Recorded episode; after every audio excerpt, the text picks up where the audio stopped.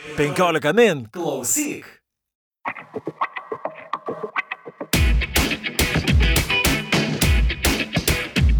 Kaip startuoliai keičia pasaulį? Kokius produktus ir paslaugas kuria lietuviški startuoliai ir kaip jie susiję su globaliomis tendencijomis?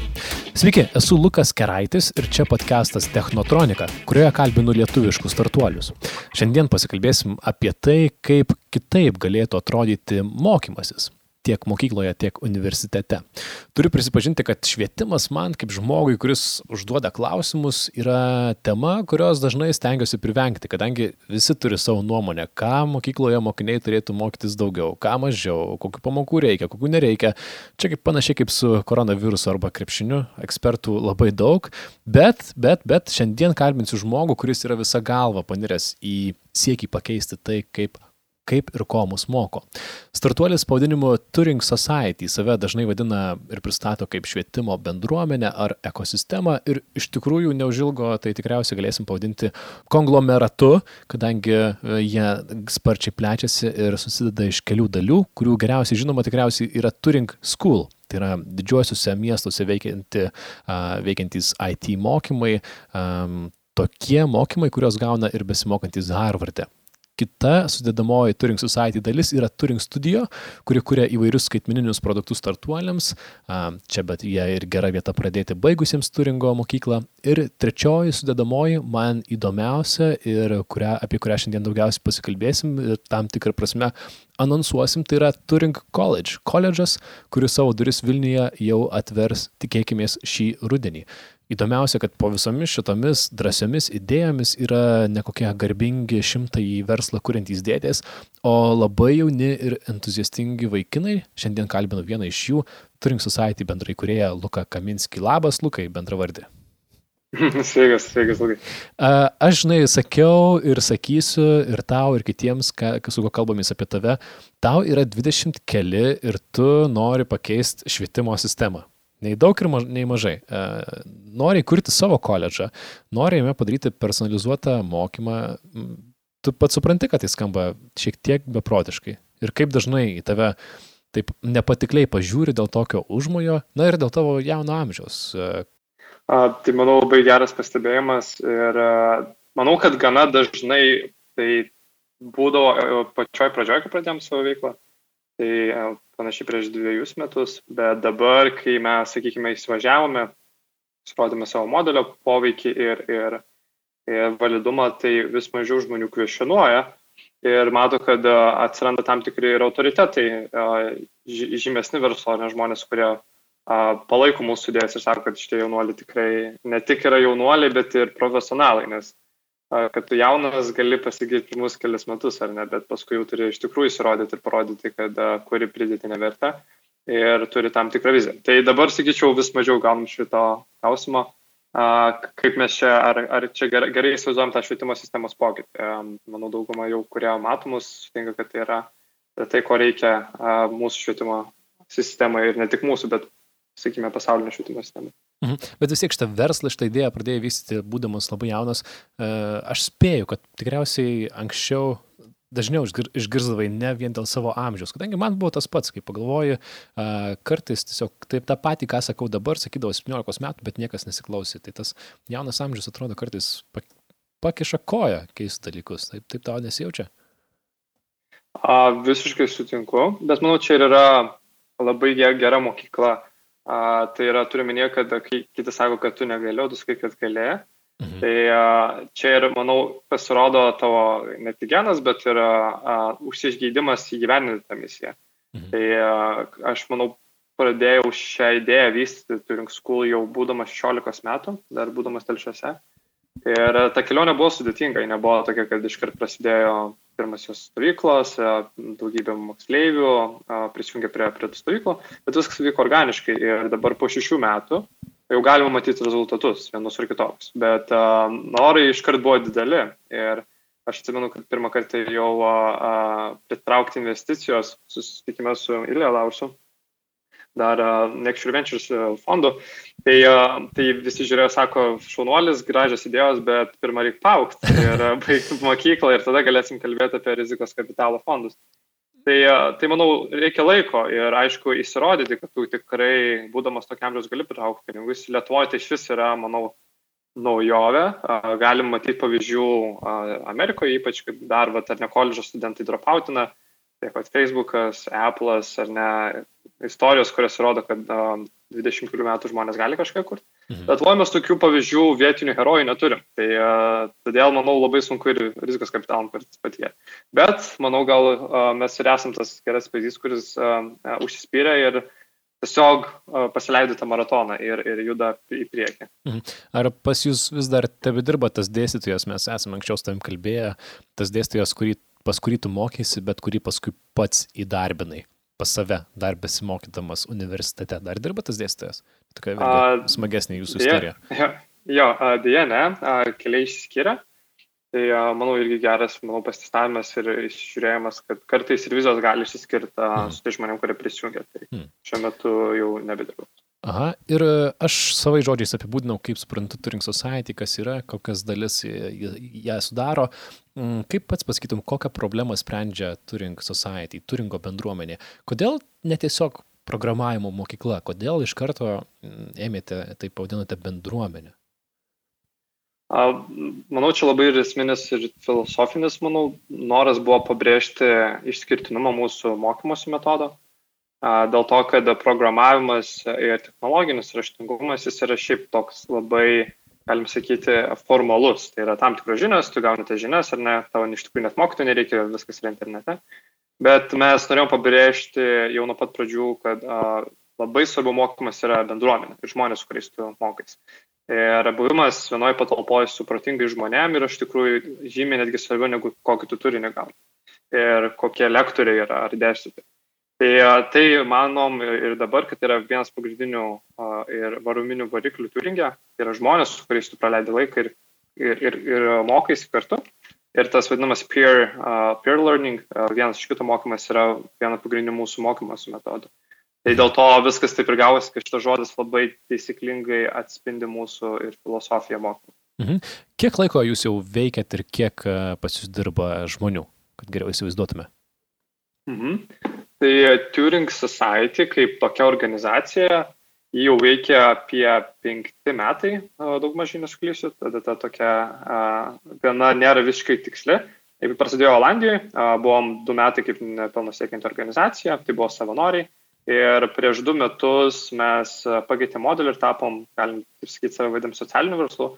Tai yra, kai yra ir nepelno siekianti dalis, tai Turing School šiuo atžvilgiu, bet e, yra ir pelno siekianti dalis, ne įmonė Turing Studio.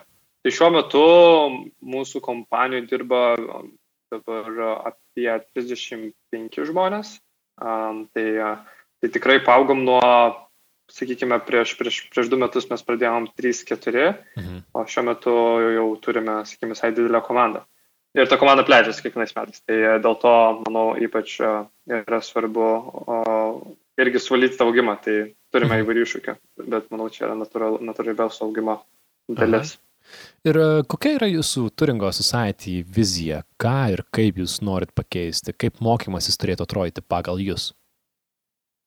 A, tai, sakykime, bendrai mūsų vizija yra a, skaitmenizuoti ir įnešti naujo mokymo, geriausias akademinės idėjas, ar ne, tai įnešti tokį vadinamą research-based švietimą ir švietimą būtent konkrečiai, apie kurį mes kalbame, tai yra IT, IT švietimą. Mhm. Tai IT švietimas, manom, yra pagrindinė dalis, kaip reikėtų apskritai žiūrėti į tą vykdomą švietimą tiek, tiek pradinėme, pradinėme augime dar, sakykime, yra daugybė klausimų, bet nuo, nuo bendro augimo programų, pradedant nuo penktos klasės, tai labai svarbu yra pradėti holistiškai žiūrėti tą mūsų švietimo sistemą, galvojant, kad žmonės, kurie išeis į darbo rinką, jie dirbs pagrindę skaitminėje ekonomikoje. Ir ta skaitminė ekonomika yra pagrindinis ekonominis variklis, kuris jau pastaruosius ar ne 50 metų mhm. pradėjo vis daugiau ir įsivažiuoti ir jis kuo toliau bus svarbus. Todėl svarbu, kad tie žmonės, kurie išeina į tą ekonomiką, būtų raštingi skaitmeniniu principu. Tai mūsų ir idėja yra, kad didinti skaitmeninį raštingumą skaitmenizuoti ir IT kompetencijas padaryti kaip naują anglų kalbą, pats pirmas, sakykime, Lietuvoje.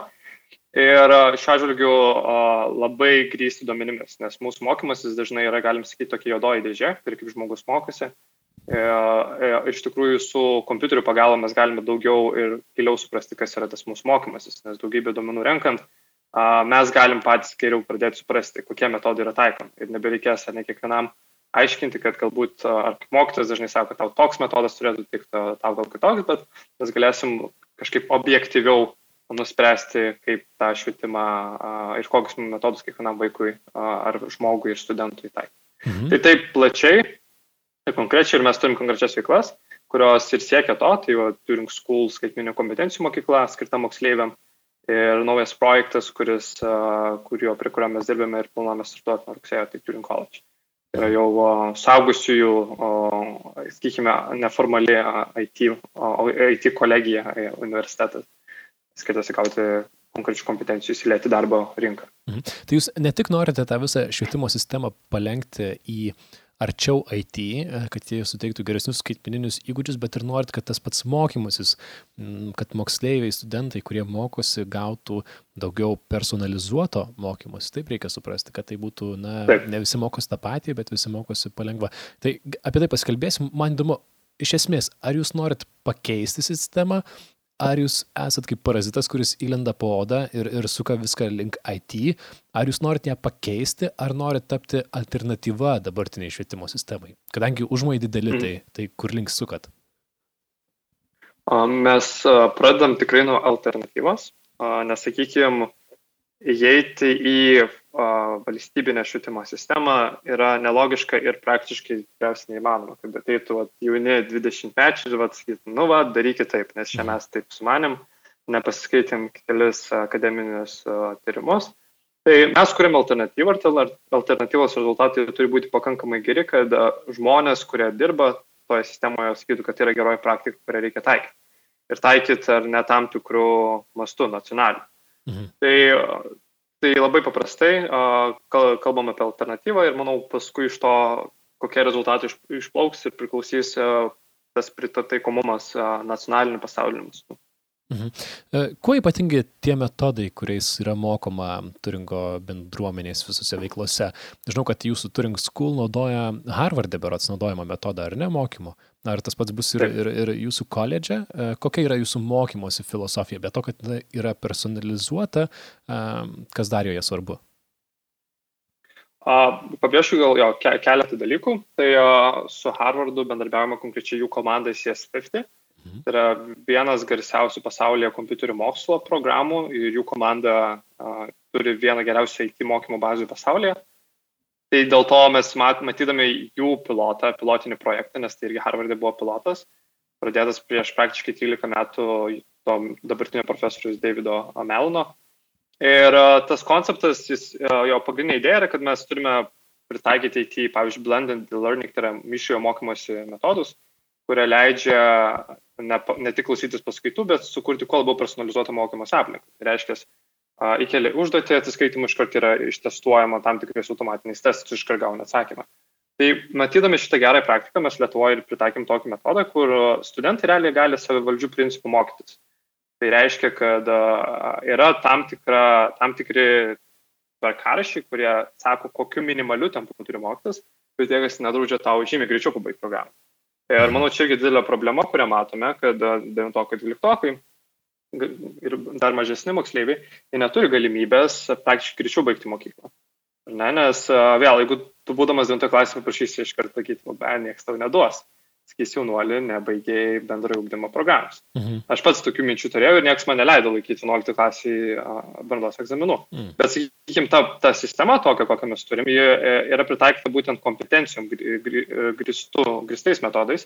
Ir tau nėra svarbu, per kokį laiką žmogus baigs, svarbu, kad jis tai darytų savo tempu, bet yra tam tikri minimalūs terminai. Mhm. Tai, sakykime, tokių mišių principų taikant, mes taikome Harvardo praktiką ir yra metodai, kuriuos mes patys esame ištyrę ir kurių netaiko Harvardas, tai yra pagrindė, ką ir minėjau, yra mokymas vienas iš kito. Šis metodas yra įdomus tuo, kad programavime e, didžiąją dalį, vis tiek grupė yra gana didelė, kad ir 15 studentų grupė, joje lygis labai aiškiai diversifikuojas. Tai reiškia, kad vieni moksleiviai greičiau, o išsprendžia užduotis kiti lėčiau. Taip. Ir tai galima panaudoti tuo, kad studentų skatinant bendarbiauti vienas su kitu ir padėti taip studentui vieną, vieną kitą mokyti. Ir tas, kuris moko, jis žymiai geriau įsisavina tą informaciją, nes moksliniai tyrimai irgi ką parodo, kad peer-to-peer, -peer, tai yra mokymas vienas iš kito metodas, jis yra labai naudingas pačiam mokytojui, tam moksleiviui, kai jis sukuria savo neuroninį tinklą tos informacijos išdėstyti kitam. Tai va čia ir tas metodas ateina, kai mes studentus įgalinam būti ir mokytojais. Mhm. Ir kviečiam paskui padėti vienas kitam, netgi kitais metais tapti tais vadinamas teaching assistant. Aha, bet ar, ar to ir įsibaigia jūsų personalizavimas, nes, na, personalizavimas toks yra platus žodis, jis daug ką gali reikšti. Taip. Kaip, kiek iš esmės yra personalizuota ta mokymosi programa, be to, ką minėjai, kad na, iš tiesų leidžia e, pasirinkti, pasirinkti didesnį ar kitesnį tempą, lygiai tą patį ir aš galvoju, aš tik tai išėjęs iš mokyklos supratau, dėl ko man kartais joje nesisekdavo, kad man reikia informaciją pasavinti mm, trumpais ir greitais pliūpsniais. Man 8 valandos pamokose būdavo per daug, bet to pačiu aš galiu per 3 mhm. valandas pasavinti tos informacijos daug daugiau. Tai man tokie metodai būtų irgi padėję, kad na, greičiau pabaigti tą patį kursą ir judėti toliau. Ką jūsų personalizavimas dar duoda? Mm, ar tai, ir kaip jūs, ar tai yra tiesiog jūsų filosofija, ar ten iš esmės yra kažkokia kompiuterinė programa, kuri leidžia, na, bendrauti, pažinti save geriau ir žinoti, ką tu konkrečiai mokinės. Apie tą personalizuotą mokymąsi girdim ne pirmi metai, bet tokio mhm. realiai pilnai veikiančio globalaus, ne globalaus, atsiprašau, holistinio personalizuotos mokymosi programos programos tiek kompiuterinė prasme, tiek e, akademinė nesumatęs? Trumpai atsakant, e, manau, yra ir labai logiš, loginės, logiškos priežastys, kodėl ir nėra tokios sistemos. Nes labai svarbu, manau, prieš kalbant apie personalizaciją, pasakyti apie kokio lygio personalizaciją kalbame. Tai yra, ar mes kalbame apie formalių žinių įgavimo procese, tą mokymosi procese personalizaciją, kai žmogui mhm. pritaikomas ar ne informacijos rautas, ką ir Lukai mini, ar mes kalbame apie bendrai holistinę personalizaciją, kai tiesiog žiūrimo į 3-4 metų perspektyvą ir stengiamasi per tą laikotarpį kuo efektyviau ir, aišku, vėl atsižvelgiant į žmogaus emocinę būseną, ar ne, va čia visi šitie kintami yra labai svarbus, ar nesižvelgiant personalizuoti tą ūkdymosi procesą. Tai tokios sistemos ir nėra. Mes, sakykime, norime būti pirmasis pavyzdys, kuris konkrečiai sukurtų tokią holistinę personalizuotą sistemą būtent IT švietime, mes nekalbam apie kitas paradigmas, tik apie IT, nes IT mokymasis pats iš savęs yra integruotas virtualų ūkdymą. Tai reiškia, kad mhm. visas mokymasis ir vyksta praktiškai virtualiai. Niekas kodo nerašo ant lapo praktiškai. Aišku, paaiškinimai gali būti ant lapo daromi, bet dažniausiai pats, pats organinis augimas programuotojo gali būti fiksuojamas tikrai kompiuterinėse sistemose. Aha, tai koks tai galėtų būti tas jūs, jūsų personalizuoto švietimo pavyzdys, kurio, kaip, kaip suprantu, dar dabar neturit, bet, na, norit, siekiat, kuriat, tai kaip jis galėtų atrodyti, kaip tai galėtų atrodyti realybėje, jūsų veikiantis personalizuotas mhm. mokymas? Aš manau, galima paimti keletą pavyzdžių, kaip tai daro ne programavime, bet daro uh, bendrai uh, pirmo, pirmų 12 klasių ugdėme Kiniją, konkretus startuolis Squirrel AI. Tikriausiai teko girdėti, ar bent mhm. jau kažkur girdėti, kad Kinija bent jau labai stipriai juda šitoje srityje. Tai jie turi vadinamosius online tutor, tą online tutor sistemą, tai reiškia, kad internetinių pedagogų tokią sistemą, kuri realiai personalizuoja užduotis po pamokinės studentam. Tai jų pagrindinis principas personalizacijos yra, kad jie labai daug duomenų renka apie patį moksleivį. Jie atlieka tam tikrus identifikacijos testus, nuo to suformuluoja pirminį lygį ir nuo to lygio tada jie labai daug seka, kaip, kaip akis juda, kaip jis reaguoja, tai refimuoja jo, jo, jo pamokoje esantį progresą. Video formatu, audio formatu, jau rašant į klaviatūrą, Tai visi šitie duomenys yra skirti analizuoti ir tada pagal tai, remiantis įvairiom psichologiniam, psichologiniam teorijom, idėjom yra kuriamas pritaikomas turinys, jo pateikimas ir visos kitos formos. Mhm. Tai, sakykime, ta personalizacija per skaitinės technologijas galėtų panašiai ir atrodyti.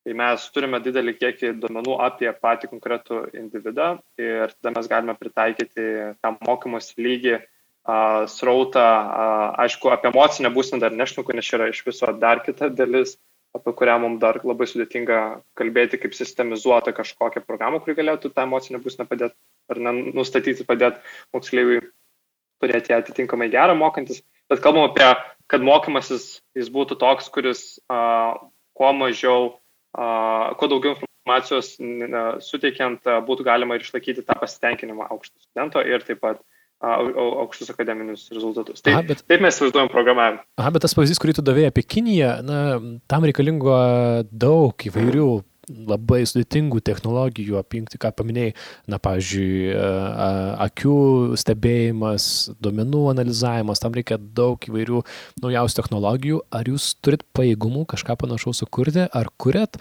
ar jūs sukursit kažkokį skaitmeninį produktą, kaip kuris atrodys kaip kompiuterinė programa ar appsas, kurį bus gali, galima naudoti jūsų mokykloje, kaip tai galų gale atrodys. Nes, na, būtent šis iššūkis man skamba kaip didžiulis.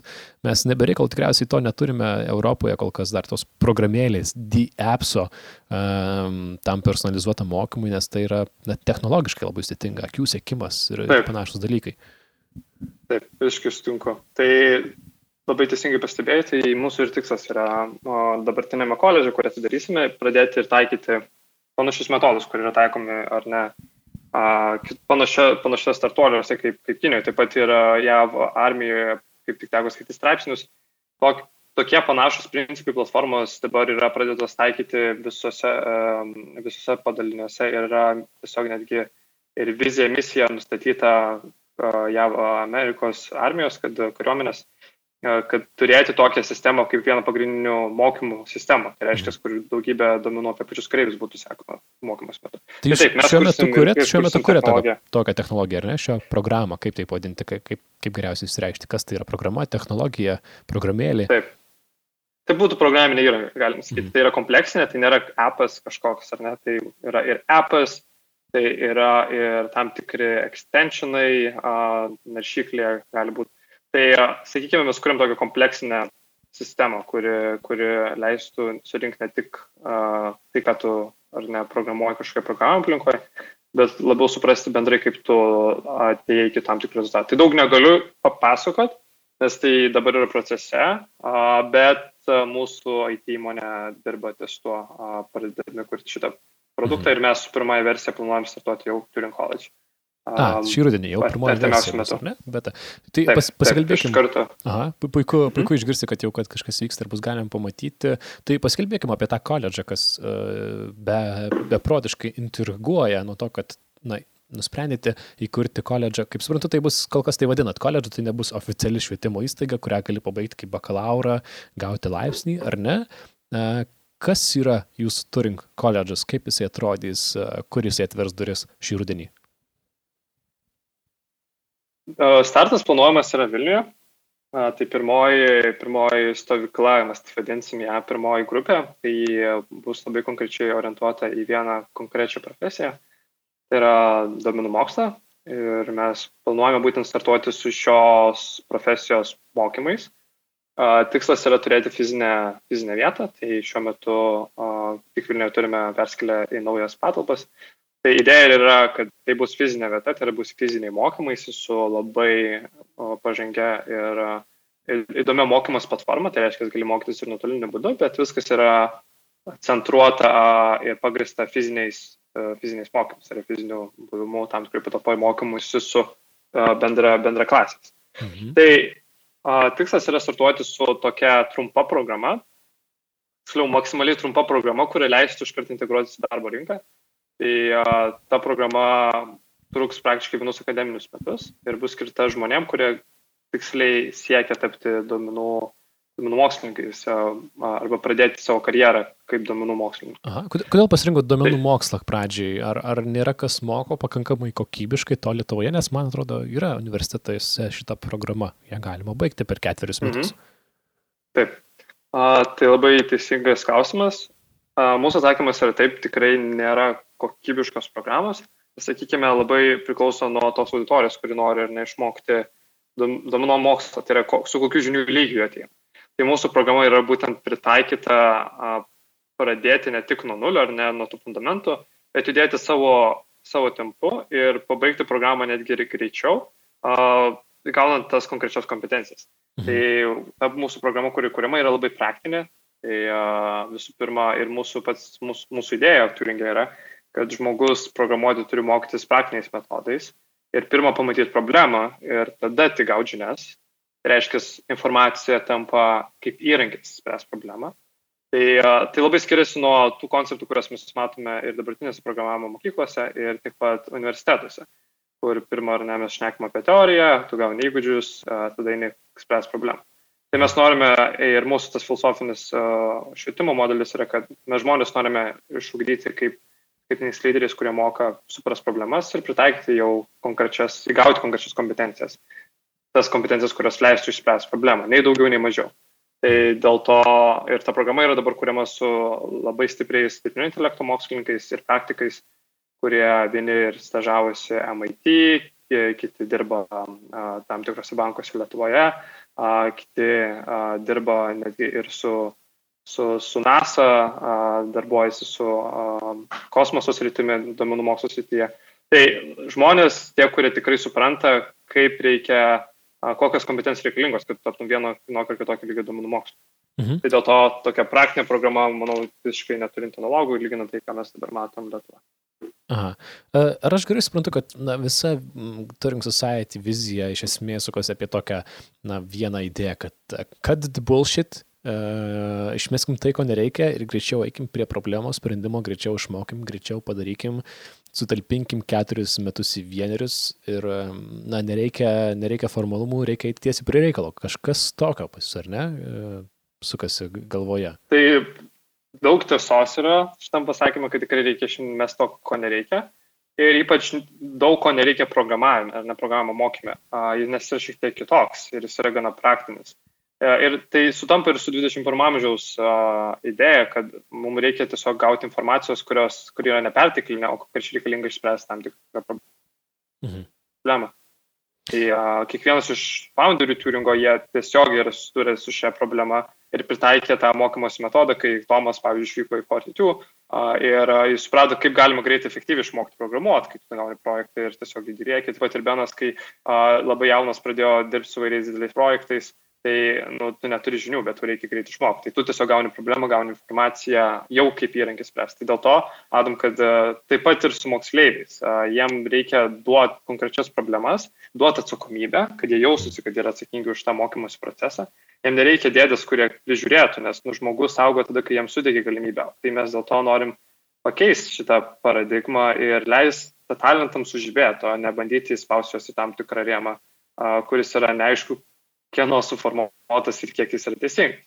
Mhm. Tai, tai va toks sandboxas švietimo, jis yra visiškai uh, orientuotas, manau, į sėkmę ir uh, naujos kartos lyderių gynimą. Aha, ir um, jūs mokot skaitmeninių įgūdžių ir man atrodo tikrai daugelis besiklausančių sutiktų, kad tai yra labai svarbu ir bus vis svarbiau ir apie tai, man atrodo, netaip ir mažai kalbam, bet kokia yra tau asmeniškai priežastis, kaip manai, kokią problemą sprendžiame mm, besimokydami tų skaitmeninių įgūdžių arba kitaip pasakius, Dėl ko tau skauda? Kodėl svarbu mokytis tų skaitmeninių įgūdžių, net jeigu neplanuoji būti programuotoju? Čia tikriausiai atsiranda keli dalykai. Vienas labai konkretus yra, manau, matomas ekonominis pokytis per pastarą šimtmetį. Tai, kad mes judame iš tokios ketvirtosios pramonės revoliucijos ar ne ir penktąją pramonės revoliuciją, kuri jau dabar matome yra nulemta skaitmenizacijos ir ne tik skaitmenizacijos, bet kompiuterių konkrečiai kalbant jų progreso ir matome, kad ekonominis augimas visada buvo rišamas su produktivumu. Ir manau, man labai taip gražiai skamba ta amerikietiško, amerikietiškos svajonės idėja, kurią dar 20 amžiui pristatė toks James Russell Adamsas savo knygoje Epic, Epic of America, kur kalbėjo, ar ne, kad sunkių darbų kiekvienas gali pasiekti savo svajonės mhm. ir čia yra lygių galimybių Žemė Amerika. Bet aš manau, kad 21 amžius nebėra šitos amerikietiškos svajonės ar ne amžius. Jis yra jau nebe hard work, sunkio darbo principų grįstas, bet smart work, tai yra išmanių darbų grįstas. Ir čia ateina skaitmenizacija, nes skaitmenizacija ir nulėmė tai, kad nebeužtenka dirbti tas 40 valandų per savaitę. Reikia išmokti produktyviai dirbti ir efektyviai. Nes va, labai man patiko ir tokia analizė, kad lygino, kiek valandų darbuotojai išdirbo prieš prieš daugiau negu 20 metų Amerikoje mhm. paskui po, po 20 metų palygino, kiek dabar uždirba. Ir įdomus faktas yra, kad valandų kiekis darbuotojų uždirbtas Amerikoje buvo identiškas, nors produktyvumas priaugo by 40 procentų. Taip. Ir tai rodo, kad reikia išmokti ir jaunai kartai dėkti visiškai kitokį požiūrį į darbą ir į ekonomiką, nes ekonomika jau dabar yra visiškai orientuota į skaitmenizaciją. Ir mes matome, kad žmonės, kurie sugebės a, a, dirbti tos darbus, kurie yra jau surišti ar ne su aukštesniu, sakykime, aukštesnės kvalifikacijos darbu, jie visi reikalauja skaitminių kompetencijų. Tai čia jau nebėra klausimas, kaip ar skaitminės kompetencijų reikia ar nereikia. Klausimas yra, kiek jų daug reikia kiekvienai skirtingai specializacijai ir kiek, kokie gyvenimo srityje jų reikės. Tai dėl to aš noriu tokią viziją įnešti, kad Lietuva galėtų sukurti naują ar ne konceptą, lietuviškas svajonės, galim gal taip sakyti, mhm. kur mes sakom ne apie sunkų darbą, kuris o, tiesiog jau kaip taisyklė turi būti aišku irgi įskaičiuotas, bet mes kalbam labiau koncentruodamės į išmanų darbą, kaip pritaikyti jau dabar esančius IT įrankius, pritaikyti naujausias technologijas, kad mes galėtume maksimaliai išnaudoti tas valandas, kurias praleidžiam dirbdami ir būti lyderiai, kurie sugeba ir kitos minkštos įgūdžius surišti į vieną, vieną dalyką. Tai, tai va čia, mhm. manau, yra įdomioji dalis. Dėl to mano tokia ir vizija yra pakeisti šią, šią tokią, parodyti alternatyvą, parodyti, kaip gali atrodyti švietimas, jeigu mes jį visiškai matysime per IT, IT prizmę. Mhm. A, tik, tik, e, tikrai įdomi tiek idėja, tiek, tiek jos išdėstymas ir kaip tu uh, pats manai, kaip mes, na, šitą skaitmenizavimo problemą, kaip stipriai mes su ją vėluojame arba ar, ar, ar esame, ar sprendžiame ją laiku, kadangi, man atrodo, dalis žmonių besidominčių šitą temą sako, uh, yra labai blogai, žmonės netenka darbo, nes, juos, nes tos darbus atlieka kompiuteriai ir mes, tie žmonės neišmoksta naujų įgūdžių ir atsiranda visuomenės visa dalis, kuri na, nebegali susirasti darbo ir kad tai taps, yra ir taps didžiulė, didžiulė problema. Kiti sako, viskas susitvarkys savaime, technologijos keitėsi ne kartą, atsiradus elektrai ir panašiai buvo tokie pokyčiai ir jie įvyko. Kaip pats matai, kokio dydžio yra šis skaitmenizacijos problema? Problema ta, kad na, žmonėms sunku susirasti darbą, kai jį perima mašinos, kompiuteriai, o jie tų naujų įgūdžių neįgauna. Ir man atrodo, nereikia būti naiviems. Yra visuomenės mhm. dalis, kuri tų įgūdžių, na, ne, negaus. Yra, nežinau, pensininkai arba jau žmonės artėjantis link pensijos, jiems dabar išmokti programavimo, net jeigu jau to reikalauja jų profesija, tikrai nėra paprasta, nėra lengva. Kaip tu matai šitą problemą? Kokio jinai dydžio ir kaip ją reikėtų spręsti? Aš manau, gal labai reikėtų atskirti vieną dalyką, tai yra, kad profesijos tikrai miršta tam tikros, mhm. bet darbo buvo ir bus.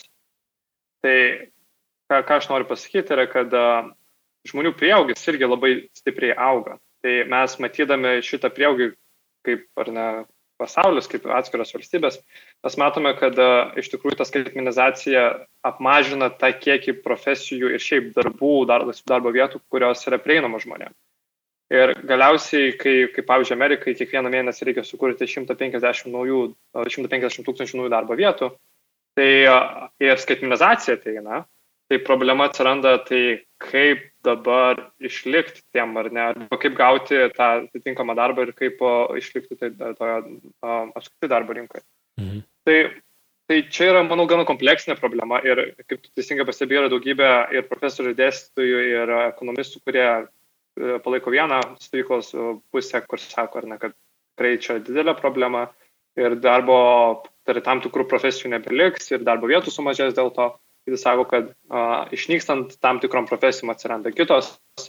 Ir čia nėra didelė problema, nes ekonomika jau ir istorija, ekonomikos istorija jau rodo, kad jau 60 metais, kai jau Kennedys irgi garsiai sakė, kad automatizacija yra didelis darbo, a, darbo rinkos iššūkis ir mums čia reikia vėl ar ne, ne, neskubėti. Ta pati matom po pusamžio su Trumpo a, tonų, kuris irgi sako, kad reikia sugrįžinti darbo vietas į darbuotojams gamybos sektorėje. Tai šitie iššūkiai grįž, bet manau, kad šį kartą ta ekonominė problema yra visiškai kitokia ir su dirbtiniu intelektu prieš akį.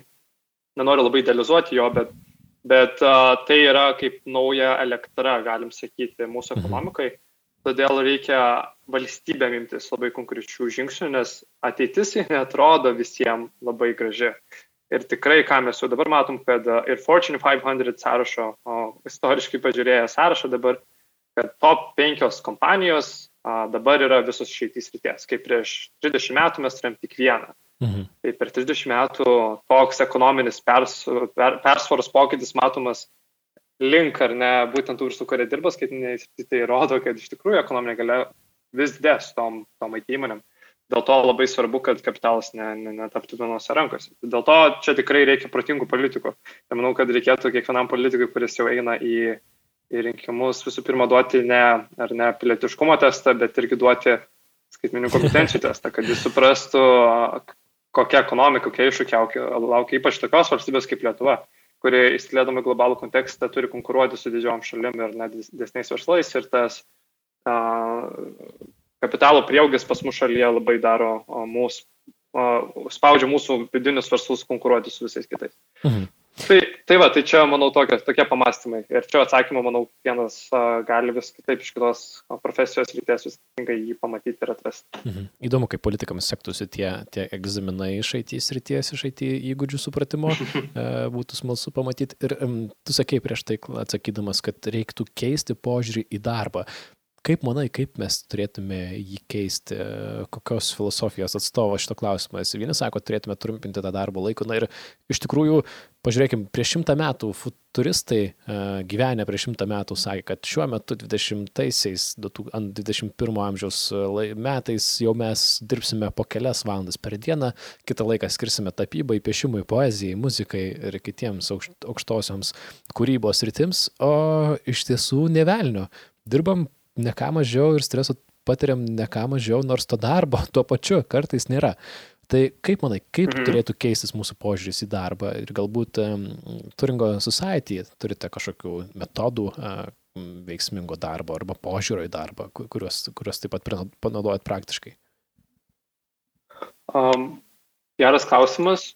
Manau, čia galima keliais būdais ar neskait iš kelių, kelių perspektyvų. Taip, kaip įmonė, ar ne, mes turingas propaguojam tikrai lankščius darbą į tam tikrus metodus, bet tuo pačiu ir labai apibrieštus, tai reiškia, kad ar ne, jeigu tu dirbi, dirbi tam tikrom valandom, arba bent jau per savaitę turi išdirbti tam tikrų kiekį.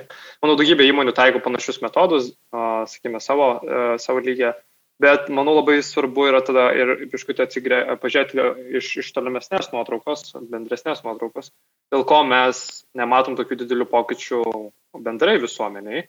Uh, nors ar ne futuristai sako, kad galbūt čia uh, tas darbas turėtų labai daug kist. Tai mano faktas yra tame, kad uh, ekonomika, nors auga produktyvumas auga, bet kapitalas, kaip minėjau, jis koncentruojasi į kelias rankas. Ir jo padalymas ir investicijos, pavyzdžiui, mokslo, jos, nu, didelių procentų nedidėja tiek, kiek mhm. ar ne turėtų didėti valstybiniu mastu. Kaip pavyzdžiui, Google tyrimų biudžetas yra prilyksta Amerikos tyrimų biudžetui, tai ten dirbtinio intelekto srityje. Tai įmonės tampa mega tokias mini valstybės. Ir čia didelis iššūkis atranda, kad didžioji dalis žmonių nemato šitų pokyčių. Ir mato tik tie, kurie dirba tokiuose kompanijose, dirba mm. prie tokių inovatyvių projektų. Tai dėl to labai, dėl to, ką, ką ir miniu, kad labai svarbu ateities lyderiam žinoti ir girdėti apie šitas problemas. Mm. Ir um, mes, kai rūkdame pas, pas save mokykloje, Pink School, tai lyderis nereiškia, kuris gerai moka programuoti, bet jis sugeba spręs problemą ir matyti pasaulį per skaitmeninę, skaitmeninę rinką ir kaip jį keičia iš įvairių perspektyvų. Tai va dėl to, dėl to sakyčiau, yra, yra įvairių būdų pažiūrėti šitą dalyką, bet, bet manau, gal dabar tiek ir daugiau nebeišplėsiu. Mhm. Ir labai įdomiai pastebėjai, kad uh, iš esmės labai daug naujų uh, problemų sprendimų atlieka privačios įmonės, bet to pačiu panoramoje naujienų iš jų nematome. Matome valstybės naujienas. Tai šią problemą galima sakyti prie jos sprendimo bent kažkiek prisideda, prisideda technotronika įlyzdama į startuolių kišenės ir parodydama, kas vyksta, bet vis, visgi vis tiek įdomi, įdomi pastaba. Ir pabaigai noriu tavęs paklausti, gal gali parekomenduoti E, kaip kiekvienam žmogui, kuris pats galvoja apie savo profesiją, kad ir ką jisai veiktų, e, kad ir kokioje srityje dirbtų, jisai vis tiek planuoja ją, tikriausiai galvoja, kaip ateitie, ką reikės dirbti. Kaip kiekvienam iš mūsų reikėtų galvoti apie savo profesiją, kaip ją paveiks skaitmenizacija ir kaip kiekvienam reikėtų ruoštis e, na, tam, kad vis daugiau darbų bus skaitmenizuojami. Ką galėtum patarti? Mhm. Manau, labai svarbu identifikuoti, ar tavo profesija yra rizikos zonoje būti automatizuota. Tai yra daugybė, manau, straipsnių, kuriuos galim paskaityti. Tai yra Harvard Business Review, kelios tokios geros lentelės, taip pat ir PwC analizės, kokie darbai konkrečiose šalyse yra rizikoje zonoje, būtų automatizuoti netgi kalbant apie, kalbant apie tam tikrą lytį žmonių ir amžiaus spektrą, ar tau yra rizika praras darbo vietą dėl automatizacijos. Tai reikia namų darbus pasidaryti čia mhm. ir tada pasiskaityti straipsnius tam tikrų ekspertų, jau vėl priklausomai tam tikros ryties, ką jie sako apie tavo darbo rinką, ką jie sako apie tavo profesiją, kokia rizika automatizuota, automatizuota, skaityti, kokie yra pavyzdžiai, kaip jau galbūt yra sukūriamos kažkokios sistemos, kaip pavyzdžiui, middle management sistemos, yra Silicijos leininis startuolis, kuris tiesiog išima departamentus visiškai iš kompanijų vidutinio, vidutinio lygio vadovų ir tas užduotis, kurias jie darė, atiduoda freelanceriam uh, iš Skype. Tai, va, tai čia yra ar nedaugybė tokių dalykų, kuriuos reikia pačiam pasidaryti ir pasinalizuoti ir aš atsakymą čia neturiu. Visos skaitinės atės rinkos tikrai neišmanau, bet tos tendencijos jos labai aiškiai pasimato ir tada galima galvoti. Ar ne, tai uh, kur man tada galbūt reikėtų migruoti? Tai jeigu migruosiu kažkokią profesiją, kokių kompetencijų tada man reikia naują aspektą įgauti. Ir tada jau galima pradėti mokytis. Ir čia reikia suprasti, kad 21 amžius yra nuolatinio mokymosi amžius. Mhm. Ir mums reikia vis laik investuoti į naujų žinių atsinaujinimą ir savitobulėjimą. Tai tų galimybių vis daugės ir Europos komisija ateinantį aštuntmetį labai daug finansavimo skirs būtent visą gyvenimą trunkančiam mokymuisi skaitmeninių kompetencijų ūkdymui. Tai žmonės tiesiog turi sekti ir klausytis ir, ir pasinaudoti tais visom, visom galimybėm. Mhm. Tai, tai tokia, tokia mano būtų rekomendacija. Labai gal abstraktu iš dalies, bet, sakykime, čia vėl kiekvienam auksinės kulkos negaliu pasiūlyti mhm. nuo nuo skaitmenizacijos. Supratau, bet ar, ar yra kažkokia savybė, kompetencija, kuri tau atrodo, kad per dažnai yra nuvertinama, arba galbūt pastebi iš atėjusių studentų, kad jie na, nepagalvoja, kaip tai yra svarbu. Dalis taip pat tendencijų spėjikų, kaip, jie, kaip jos būtų galima pavadinti, taip pat sako, kad na, svarbiausia kompetencija kelių metų laikotarpiu bus kūrybiškumas. Kaip tu manai, kuri, ką, ką keltum į, į viršų iš tų kompetencijų? Na, tavo asmen, asmeninį nuomonį. Mm, jo, čia aš skaičiau apie kūrybiškumą, turiu vieną nuomonę, kad e, kūrybiškumas, e, jis iš dalies, man labai patiko toks pasakymas, kad kūrybiškumas yra forma, kai mes dar nežinome visų dalykų, nes jeigu viską žinotumėm, nebūtų ko kurti. Ne? Tai e, čia tokia, toks įdomus pasvarstymas, bet idėja, manau, grįžtant prie pas, pagalvojimo apie, apie, apie ateitį, tai Sakyčiau, kad e, gal keli dalykai. Tai kūrybiškumas ir tos kompetencijos, kaip kūrybiškumas jos bus laikas svarbios, bet svarbu yra suprasti minkštų įgūdžių prasme ir suprasti, kad robotai neautomatizuos didžiojo dalies dalykų, kurie žmonės gerai atlieka. Bent artimiausių laikotarpių Tai labai investuoti į žmogišką ryšio kūrimą ir gebėjimą suprasti kitus žmonės, empatiškumas, lyderiškumas, ko negalės robotai pakeisti, mhm. gebėjimą uh, valdyti žmonės, tai yra sugebėti atrasti dialogą su variais skirtingais žmonėmis. Uh, tai čia yra va, tos kompetencijos, kurios niekada neišeis ir uh, bent jau robotai jų kol kas nepakeis, nebent mes kursim super dirbtinį intelektą. Uh, Mhm. Todėl skaičiau, kad kūrybiškumas yra smagu, bet uh, jį palikim šonę, nes ką parodė ir AlphaGo programa, kad kūrybiškumas yra galimas ir kompiuteriuose. Ir uh, pamatydami naują variaciją sprendimų, ką pamatėme ir AlphaGo žaidime, tai kad tai ir buvo kūrybiškumas, kurį kompiuteris.